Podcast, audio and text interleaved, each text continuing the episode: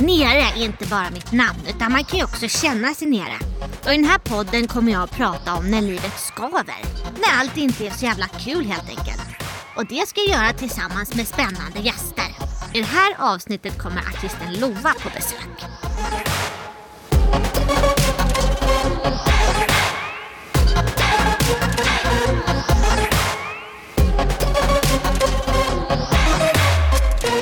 Hej Lova! Hej! Hej, välkommen hit! Tack snälla. Du, jag heter ju Nere Ja. och den här podden heter Att vara nere. Exakt. Så när, när kände du dig nere senast?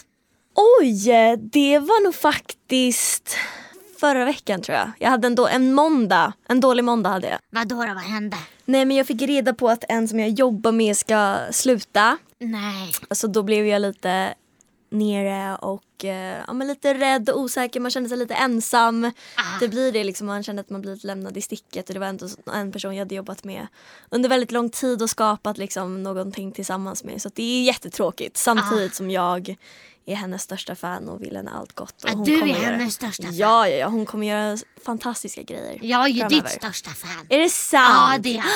Gud vad glad jag Så blir. det är som en sån, vad heter det? Ja, triangeldrama. Kanske jag hennes största idol också. Exakt. Då vore, då Sen är kan det- alla vi tre hänga. Ja. Ja, gud vad bra. Ja, hon ska inte sluta, jag ska se Nej, till det. ja, jag har kontakter. Perfekt. Aha. Vi hotar henne. Ja, det gör vi. Och nu till prestationsångest som du har en hel del erfarenhet av. Ja, men det är ju då rädsla för att misslyckas eller rädsla för att inte lyckas leva upp till sina egna eller andras förväntningar. Och man kan ju ha prestationsångest innan, under eller efter något man ska göra. Sorry, det blev värsta föreläsningen här. Men eh, vad är dealen med dig och prestationsångest? Ja, men det är nog den känslan jag fightas mest med. Jag ju, har ju väldigt liksom duktig flicka syndrom och liksom hela tiden känner att det är så viktigt att vara duktig och prestera och liksom jag får väldigt mycket prestationsångest i liksom det jag håller på att göra om dagen och liksom i mitt yrke och jag sjunger och ska stå på scen framför massa folk och skriva musik som man hoppas på att folk ska tycka om. Även i liksom relationer och uppehålla relationer och vara en bra vän, vara en bra flickvän eller vad det än kan vara. Liksom att det är, där kan jag känna väldigt mycket prestationsångest. Varför tror du att den känslan är så himla stark för dig då?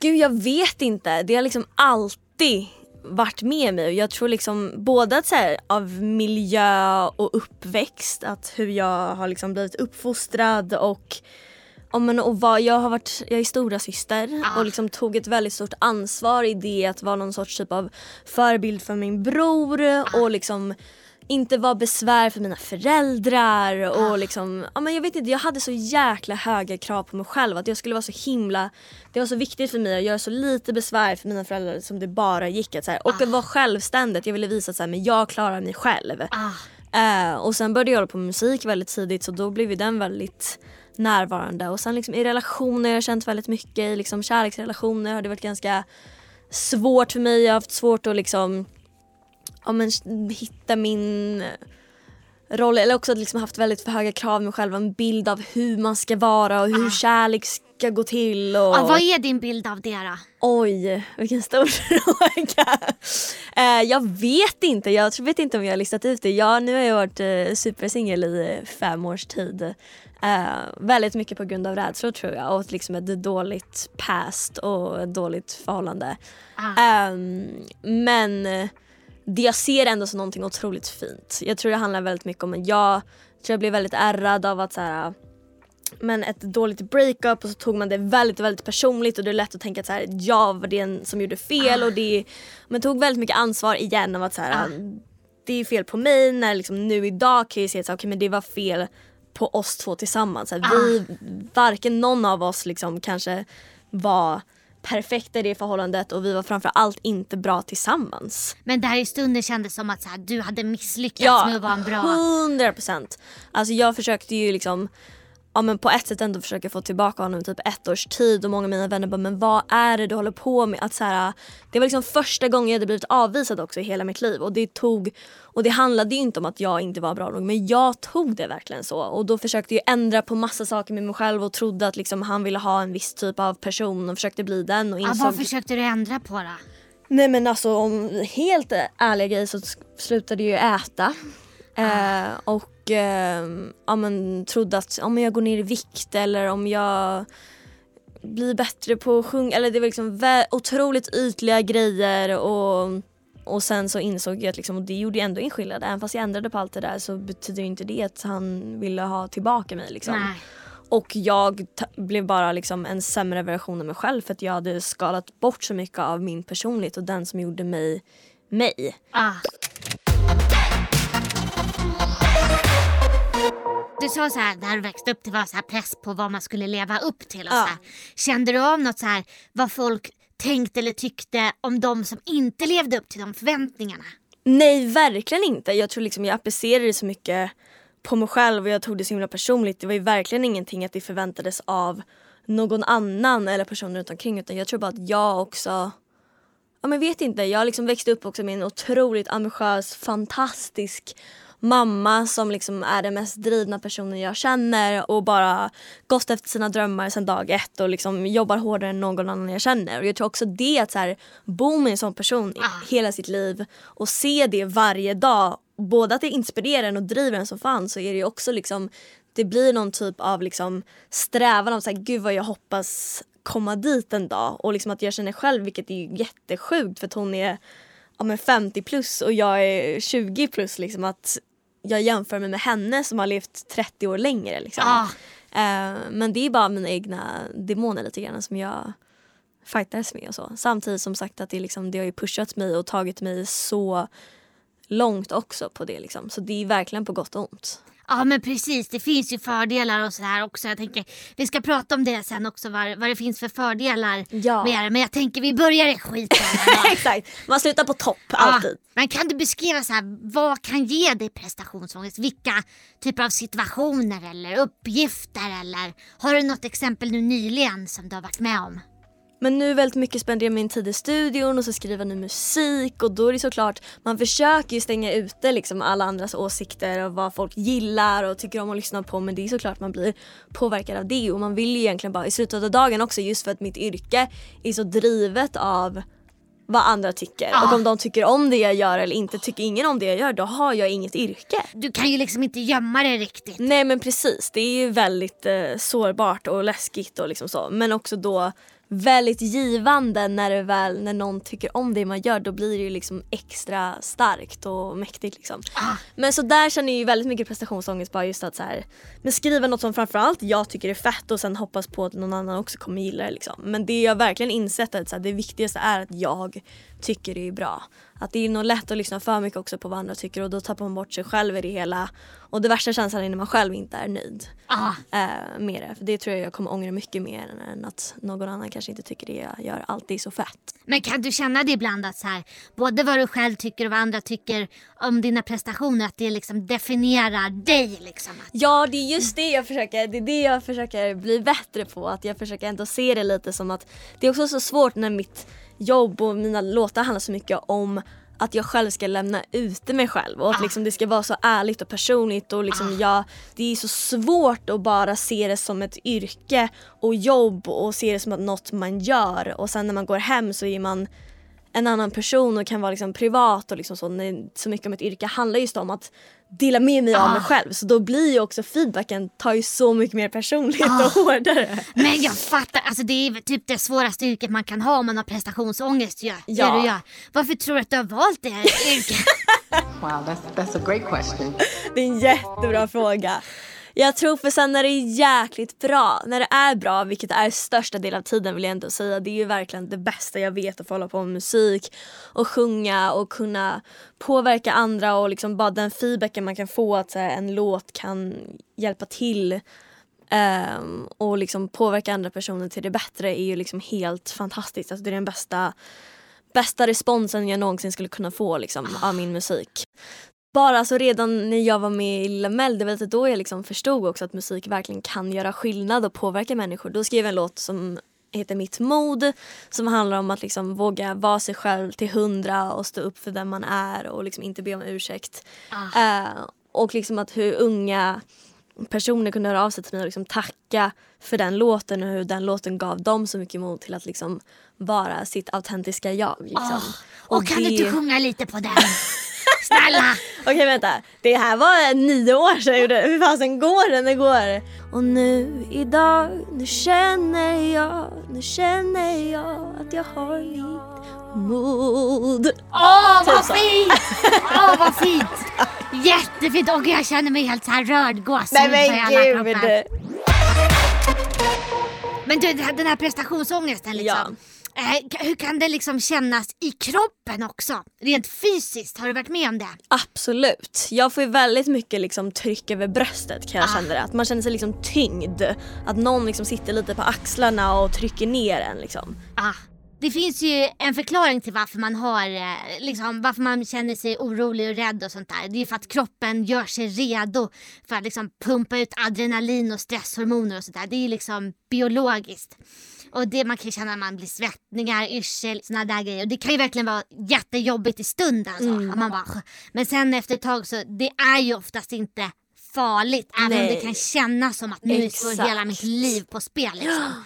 Men att det liksom kan gå över efter ett eh, tag. Liksom. Mm. Men när den här känslan sköljer över en, kan du känna när är den känslan som värst för dig? Oj oj oj oj oj du. Eh, när jag är som mest nervös av prestationsångest precis innan jag ska upp på scen. Det är så läskigt att det finns inte. Då kan jag känna så här, vad fan har jag gett mig in på? Varför gör jag det här? Och sen går jag av scen efter liksom ha kört ett set och bara gud det här är det bästa jag vet. Bara ställ upp mig igen, jag vill göra det här tusen gånger om. Ah, Så- känns och det jag alltid så vet ju det. efteråt? Ja men nästan alltid skulle jag ändå säga. Ah. Man får sån kick av det och jag vet ju det när man står där inne också men jag tror just som du säger att det är så här adrenalinpåslag och den liksom ja men lite så här förbereder en för att så här nu ska du upp och liksom göra någonting. Den taggar igång en också. Det blir ju en sån jäkla kick Ah. av det och liksom hela kroppen bara reagerar på det och det är väl just det så här, det Kan du gilla den känslan då? Ja, både och. Egentligen inte kanske jag gillar den så mycket. Jag är väldigt så här om jag gillar att ha lite kontroll och vet, för det är väl det också just att, så här, att det är så svårt att kontrollera, att det blir så fysiskt ibland också. Ah. Att så här, mina tankar kan jag ändå påverka liksom ändå och känna så här, men peppa igång det bak, men det här kommer gå bra, Ah. nu kör vi liksom. Men att kroppen liksom håller på att skaka, det är Ah. så himla svårt att göra något åt. Men hur hanterar man det då? Ja men gud vad gör man åt det? Det är en jättebra fråga. Jag eh, tar en otroligt massa bad. Älskar. Ah. Alltså jag är drottningen av bad vill jag bara säga. Ah. Eh, Det är otroligt att bara få varva ner och om, det är också det här med liksom värmen och vad, att det så omfamnar en på något sätt. Vilket Ah. är väldigt härligt. Det är som liksom en kram eller ha lite närhet av någon liksom. Ah. Ehm, och sen eh, för mig så är det ju en väldigt terapi också att få skriva av sig. Ah. Samtidigt som det också kan bidra till prestationsångest för att det liksom, nu har det blivit ett jobb och det är yrke och det är väl det kanske jobbdelen som har gjort det svårt. Men liksom jag har ju alltid vänt mig till musik sedan jag var liten just Ah. för att kunna bara men avlasta lite vikt som man har och bär på och liksom tankar och känslor som man går runt med. Så liksom att, att skriva av med det och liksom få ner det på papper har hjälpt otroligt mycket av att bara så här, ja, men känna sig lite lättare. Det är Ah. på något sätt att man då liksom bara får ut det Ja, men lite, ibland tror jag det är ändå viktigt att analysera sig själv och bara så här, varför känner jag det här? Vad kan det bero på? Och liksom, ja, men lite, min mamma sa igår att liksom, man får välja lite två vägar. Så här, acceptera det. Ah. Att så här, acceptera känslan, vara med känslan och att så här, den är inte så farlig. Ah. Den kommer försvinna. Det är bara så här, känn den hellre för det är lätt att så många, jag tror många skjuter på obehagliga känslor väldigt länge och då blir de nästan kvar längre än vad de borde för att du liksom hela tiden sopar under mattan men att det kommer upp då liksom. Ah. Det är bättre att acceptera det och känna det och liksom gråt om du vill gråta, Ah. få det ur vägen och sen kommer du känna dig så mycket lättare Ah. efter det. Eller agera på det Ah. och liksom gör någonting åt saken, ta tag i det träffa en vän eller liksom gör någonting som du själv kommer må bättre av. Gör alltid stereotypiska. Ah. Allt, alla klyschor de stämmer, det är Ah. därför de är klyschor. För det tänkte jag också på när vi pratade om vad vi skulle prata om i Ja. den här intervjun. Ja. Då nämnde du också att du har både ADD och dyslexi. Exakt. Och hur det också påverkat din Ja. prestationsångest. Verkligen. På vilket sätt har det påverkat? Det har ju främst påverkat eh, skolan och liksom det sociala i- med att så här, jag är jag älskar att prata och tycker det är superintressant och jag vill lära mig saker hela tiden men väldigt mycket av det jag läser och försöker ta till mig fastnar inte för att jag har väldigt svårt att fokusera och är ganska ouppmärksam. Så att jag kan känna mig väldigt ja, men inte så påläst och ofta liksom nu liksom jag umgås med mina vänner och man ska prata om någonting som försiggår i världen som jag verkligen vill liksom gå in på och liksom Ah. tycka till om så känner jag att jag, liksom, jag har ingen fakta eller kunskap att liksom Ah. grunda det i. Och då håller jag väldigt mycket tyst istället och bara försöker lyssna och ta till mig och sen så bara okej men det här ska jag komma ihåg och sen dagen efter så bara nu har jag glömt allt. Jag bara Ah. vad var det vi pratade om? Jag kommer inte ihåg. Åh gud. Eh, och sen när man i skolan att så här, man var alltid den sista som lämnade klassrummet på prov och liksom det var Alltså egentligen att få själva diagnoserna var det bästa som har hänt mig. Alltså det gav mig så mycket svar på saker och men så också så här, ta lite kurser och lära mig om det och vad det faktiskt innebär och Ah. betyder och att det finns ja, men så mycket förklaringar till varför jag inte kan fokusera eller vissa saker är roligare än andra. Och Ah. liksom så. Medan innan jag inte visste om det så var det mer att jag tänk, kände mig bara väldigt dum och blåst och liksom Ah, bakom flötet lite grann.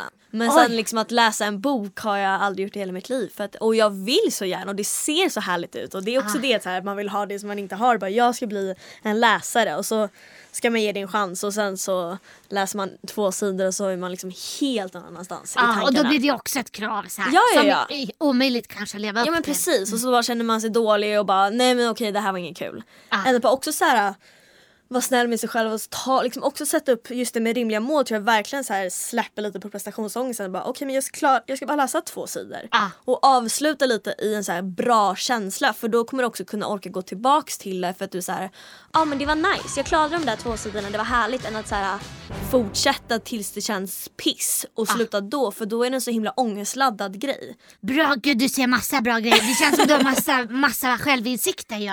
Men jag har spenderat mycket tid med att läsa igenom mig själv och tänka och gå i terapi och prata om mina känslor. Och... Har du, har du gått i terapi också? Ja, har du liksom har tagit hjälp utifrån? så? Ja gud ja, Ja. och jätte, tror jättemycket på det och att det för mig har det varit superavgörande. Ah, Du själv går ju och har alla svaren inom dig liksom men att träffa också en person som är oberoende och inte någon som är ditt liv som känner dig och vet om din story Ah. eller liksom vad du gått igenom. Utan någon som bara kan ställa helt liksom, oberoende frågor eh, som får en att tänka på nya sätt så kommer du liksom lista ut massa nya men saker. pratar du också med din, dina kompisar som ni som förstår varandra? Har ni också pratat mycket om det här? Ja, jag menar jag tycker det är jätteviktigt att prata om liksom, sina känslor och vad man går igenom och för det liksom då både att så här, fans men jag som vän och liksom till mina andra vänner men också att det är en sån himla trygghet och skön känsla av att veta att så här, okay, mina vänner vet att jag kanske är i en tuff period eller jag har precis Ah. gått igenom ett breakup eller vad det än kan vara. Och att de också då kan ta lite ansvar då. Då blir det liksom så här, då vet de kanske, okej men nu är jag inte i min bästa period. Och att de kanske hör av sig lite extra, visar lite mer omtanke, ser till att vi ses lite mer för de vet att det är det jag behöver. Eller kanske tar lite avstånd för att de Ah. vet att jag behöver ensamtid. Ah. Ja men så kan jag liksom fokusera på mig själv lite mer och inte heller känna mig då också som en dålig vän om jag inte hör av mig eller så för då vet de om att okej men det är därför hon behöver liksom fokusera på sig själv nu. Ja men precis och liksom apropå stöd så här, för det brukar jag alltid också fråga hur man så här, kan vara ett bra stöd till andra. Ja. Eh, hur ska man vara det om man känner någon som har prestationsångest? Vad, gör man, vad ska man göra då tycker du? Gud, alltså lite fråga så här vad den personen har. Det är så himla personligt också. Och från person till person liksom vad du behöver i en sån situation. Och liksom vissa vill prata om det och liksom jag kan ju verkligen vara en sån person att jag mår väldigt bra av att prata om det och liksom bara få ut det och liksom prata, ja, men babbla på liksom. Medan andra vill stänga ute det och liksom ha en svinkul kväll Ah. och liksom ehm, så, så det är väldigt så här från person till person. Läsa av lite vad den behöver. Men låta dem prata liksom. Bara Ja. få, få ur sig sitt. Ja men exakt. Ah. Det är skönt, det är befriande att prata om hur man mår och känner och så. Man blir, man blir lättare. Vad tror du är riskerna med att känna mycket prestationsångest då? Men det är väl lätt att man liksom sätter sig upp för besvikelse just med att så här, jag har väldigt höga krav på mig själv i det mesta jag gör så blir det också, men lite som vi nämnde att så här, det blir omänskliga krav och det blir liksom det som kan bli svårt är att man lägger så mycket lycka i att prestera. Jag tror Ah. jag får väldigt mycket så här, men lite kanske min uppfostring också men så här, mamma har varit väldigt duktig med att ge väldigt mycket kärlek och bekräftelse när man varit duktig och då blir Ah. det som en drog eller något liksom du söker. Så här, Gud vad jag vill ha den här bekräftelsen och känna mig duktig liksom. Men då blir det också när man inte gör det så blir man ju väldigt besviken på sig själv. Ah, Eh. Så man tänker att liksom för att få känna lycka så måste jag först ha klarat det, det, det och det. Ja men Ah. precis. Än att så här, bara att få vara och vara sig själv, att det är, liksom, det är en prestation i sig. Ah. Och palla med allt som man ska göra liksom. Eh, och vad, vad liksom motsatsen till att prestera det är att misslyckas ju. Ja, Ja. Är du rädd för att misslyckas? Jag är så jävla rädd för att misslyckas. Och jag tror det är det. Det är väl det som också driver mig på något sätt. Eh, samtidigt som det ger mig så otroligt mycket prestationsångest. Alltså nu också med, jag har uppkörning snart. Alltså Ah. det är ju det är därför jag har sån prestationsångest för jag är så rädd att det inte ska gå vägen liksom. Vad, vad tänker du ska hända om du misslyckas? Nej men det är ju det jag inte vet. Alltså så här, förmodligen, alltså det är ju, och det är inget farligt. Alltså jag vet så många som inte klarar det på första försöket. Och det är så jäkla fine och just som vi liksom också pratar om att så här, jag har sån förståelse för alla andra men när det kommer till mig själv så bara är det så jobbigt att känna att man inte klarar av någonting. Eller att man, jag blir, känner mig så liten då. Ah. Eh, och jag tycker, jag, vet inte, jag tycker det är så jäkla läskigt att misslyckas. Jag tycker det är fel att säga om misslyckas också. Det är på något sätt så här, det är så jävla negativt laddat. För, Ah. för egentligen är det också någonting bra som kan komma det väldigt ofta. Att så här, man lär sig så mer av det än att faktiskt lyckas då ehm, Har du misslyckats någon gång? med massor. Och kan du inte bjuda på ett exempel? Nej men gud, alltså allt möjligt. Alltså men åh det är också jätte... Nej men ja det är ju... jag tänkte säga... Det känns himla tungt. Jag tänkte sen jag bara, ah, men jag vill misslyckas med mitt första förhållande. Men alltså så här, prov och grejer, väldigt mycket skolrelaterat Ah. och jag har ju tyckt, alltså så här, få gånger jag kom sent var ju typ det värsta jag visste. Så nu är jag så här, en tidspessimist. Jag kommer liksom Ja, du var 10 minuter tidigt Ja men alltså det är nästan sent för mig. Alltså jag kan komma 30-40 minuter tidigt. Och vilket är ju jobbigt, alltså det är egentligen, jag gillar inte sådana personer som är för tidiga heller. Ja, men de, man ska inte komma när man står i duschen liksom. Nej men det är jobbigt, nej men Ah. jag har ju stått utanför portar och bara sagt jag kan inte ringa på nu så de förmodligen har precis vaknat. Som en stalker Ja men exakt. Ja. Så jag bara vänta, kolla på klockan bara nu ringer jag på. Men vad gör du när du misslyckas? Hur hanterar du det, de känslorna då? Vad brukar hända med dig? Ja, det är en jättebra fråga. Tack uh, ja vad brukar jag göra? Jag vet inte, det är ju en jäkligt jobbig känsla liksom. Men man får ju bara så här, men främst att så här eh, påminna sig om att så här, den här, att det inte definierar en. Av att liksom så här, du är inte definierad av dina känslor och tankar. Att det, liksom, det är så mycket mer än just den här händelsen eller det som hände eller det du sa eller det du inte lyckades liksom med nu. Att det inte, det behöver inte definiera dig framöver liksom. Ah. Utan bara säga okej det gick inte vägen nu. Vi försöker igen. Ja, så att det inte blir så här istället för plats på scen för Lova så blir det så här. Plats på scen för misslyckad uppkörning. Usch det hade varit hemskt!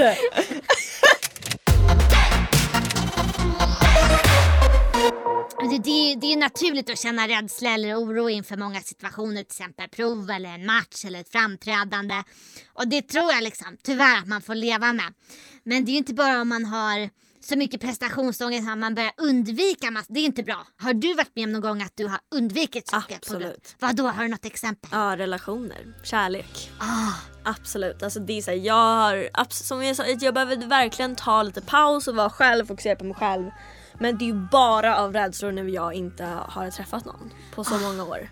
för då blir det så här, du träffar någon och sen så bara, nej jag kommer inte få den personen så jag stöter bort Ja den. eller man är liksom, ja, men rädd för att bli avvisad igen eller bli sårad och man, jag tänker bara liksom det värsta scenariot i allt och liksom än att så här, försöka tänka positivt och se liksom det fina och det vackra som skulle kunna komma ut någonting av det liksom. Ah. Ehm, så det är ju verkligen något jag undvikit och någonting jag ja, men lite grämer mig över och, liksom, och det blir ju jobbigare ju längre man väntar. Det blir liksom, berget blir bara större och större att komma Ah. över för jag blir också så himla bekväm med att vara själv. Att Ah. liksom, så här, jag har skapat min eget lilla liv och min vardag och trivs väldigt bra i det på ett sätt. Samtidigt som det hade varit väldigt mysigt att dela det med någon annan.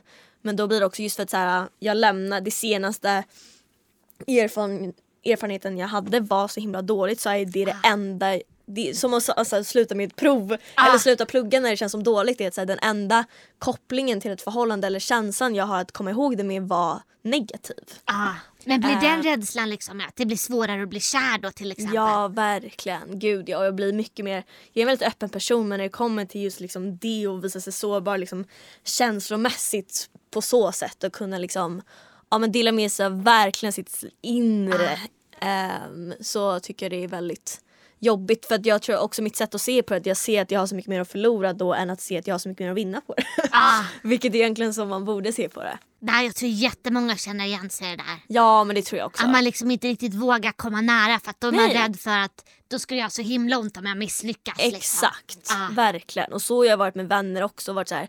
Men varför också jag tror att det var så himla viktigt för mig att självständig. Och det var, jag vet, alltid sedan jag varit liten har det varit så himla viktigt att visa att jag klarar mig själv och jag behöver inte be om någon hjälp. För att så här, kristänk av att så här, men gud, om jag, alltså jag behöver veta att så här, jag har mig själv och klarar mig själv om ingen annan hade funnits här. Ah. Och att, så att jag inte vill knyta mig an för mycket hos människor för att liksom, då har jag mer att förlora. Men det blir väldigt tråkigt i långa loppet för det blir väldigt ensamt. Och du, vi var inne lite i början på det här att så här, prestationsångest ju faktiskt också kan leda till bra. Det kan vara Ja. jättejobbigt och man kan vara liksom helt, blir det för jobbigt så är det ju bra liksom till Mm. man kan söka hjälp och så här. Men det finns positiva sidor med det också. Gud ja. Har du något exempel på när det har hjälpt dig? Ja men alltså för mig har det gett otroligt mycket driv också. Jag vill ju, det har ju gett mig, ja men jag har ju blivit otroligt ambitiös av det och liksom sätter, ja men är väldigt målinriktad och jag vet vad jag vill och vågar tro på mina drömmar och liksom känner ändå att här, allt är möjligt om man lägger arbete liksom på det. Ehm, så det har det ju verkligen gett mig att jag har blivit otroligt driven i det hela och kommit väldigt lång bit på vägen liksom. Ehm, så det är väl främst det. Framförallt det. Framförallt det. Ah. Vet du, jag tänker faktiskt vi ska avsluta med en eh, liten, eh, en liten lek. Är det sant? Ja. Okej. Pandoras snask. Så då ska Sofia, våran producent, få komma in här. Okej.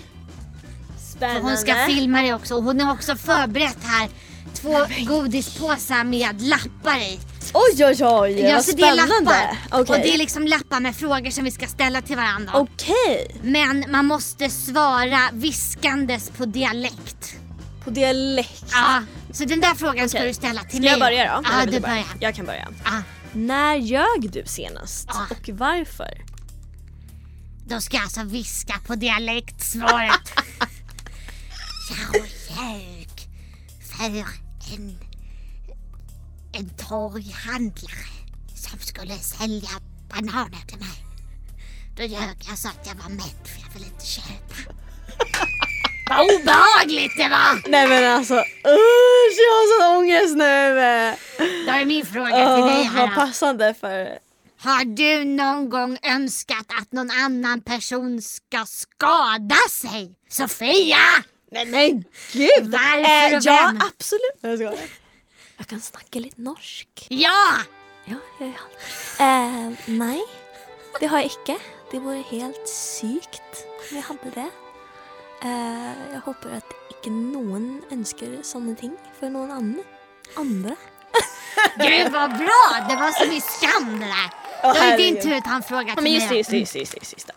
När luktade du på en kroppsvätska senast? Ah, Och vilken? på dialekt. Jag luktade på Hermelin-kiss.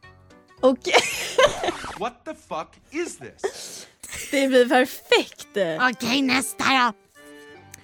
Vad för vana eller beteende skäms du för? Eh, ja, nei, jeg liker å bite på neglene mine. Eh, og når jeg var liten, så bet jeg på tåneglene. Då är du vig. Om det var dina egna tånaglar. Nej fy fan! Ja det är klart. Jag vet inte vad som är bättre. Jo men det är bättre om det är mina egna, 100%. Fy fan. Eller har vi verkligen Vad lärt roligt. känna varandra? Alltså nu har vi lärt känna varandra. Ja, jag ska lägga till Herregud. dig som närmast anhörig i telefonen. nu. Perfekt. Ja, Jag ska favorisera dig. ah, ja. ja. Gud vad roligt, var Ja. jättekul att ha dig här Lova. Detsamma, kul Tusen att få tack för att komma. du kom och sa så smarta grejer verkligen. Nej men. Och om man vill ha tips på vad man kan göra för att hantera alla livets känslor då kan man gå in på varanere.se. Det finns massa tips både om hur man hanterar sina egna och hur man kan stötta andra och sånt där. Ja. Och så kan man följa nere på vara understreck nere på Instagram. Jag lägger upp massa memes och sånt. Jag har sett det. Har du det? Ja, jag följer dig nu. Ja, du gör det. Ja, Gud vad bra. ja så roligt. Tusen tack Lova för att du kom. själv. Underbart. Ha det bra. Ha det bra. Och kom ihåg, alla kan vara nere, även Lova.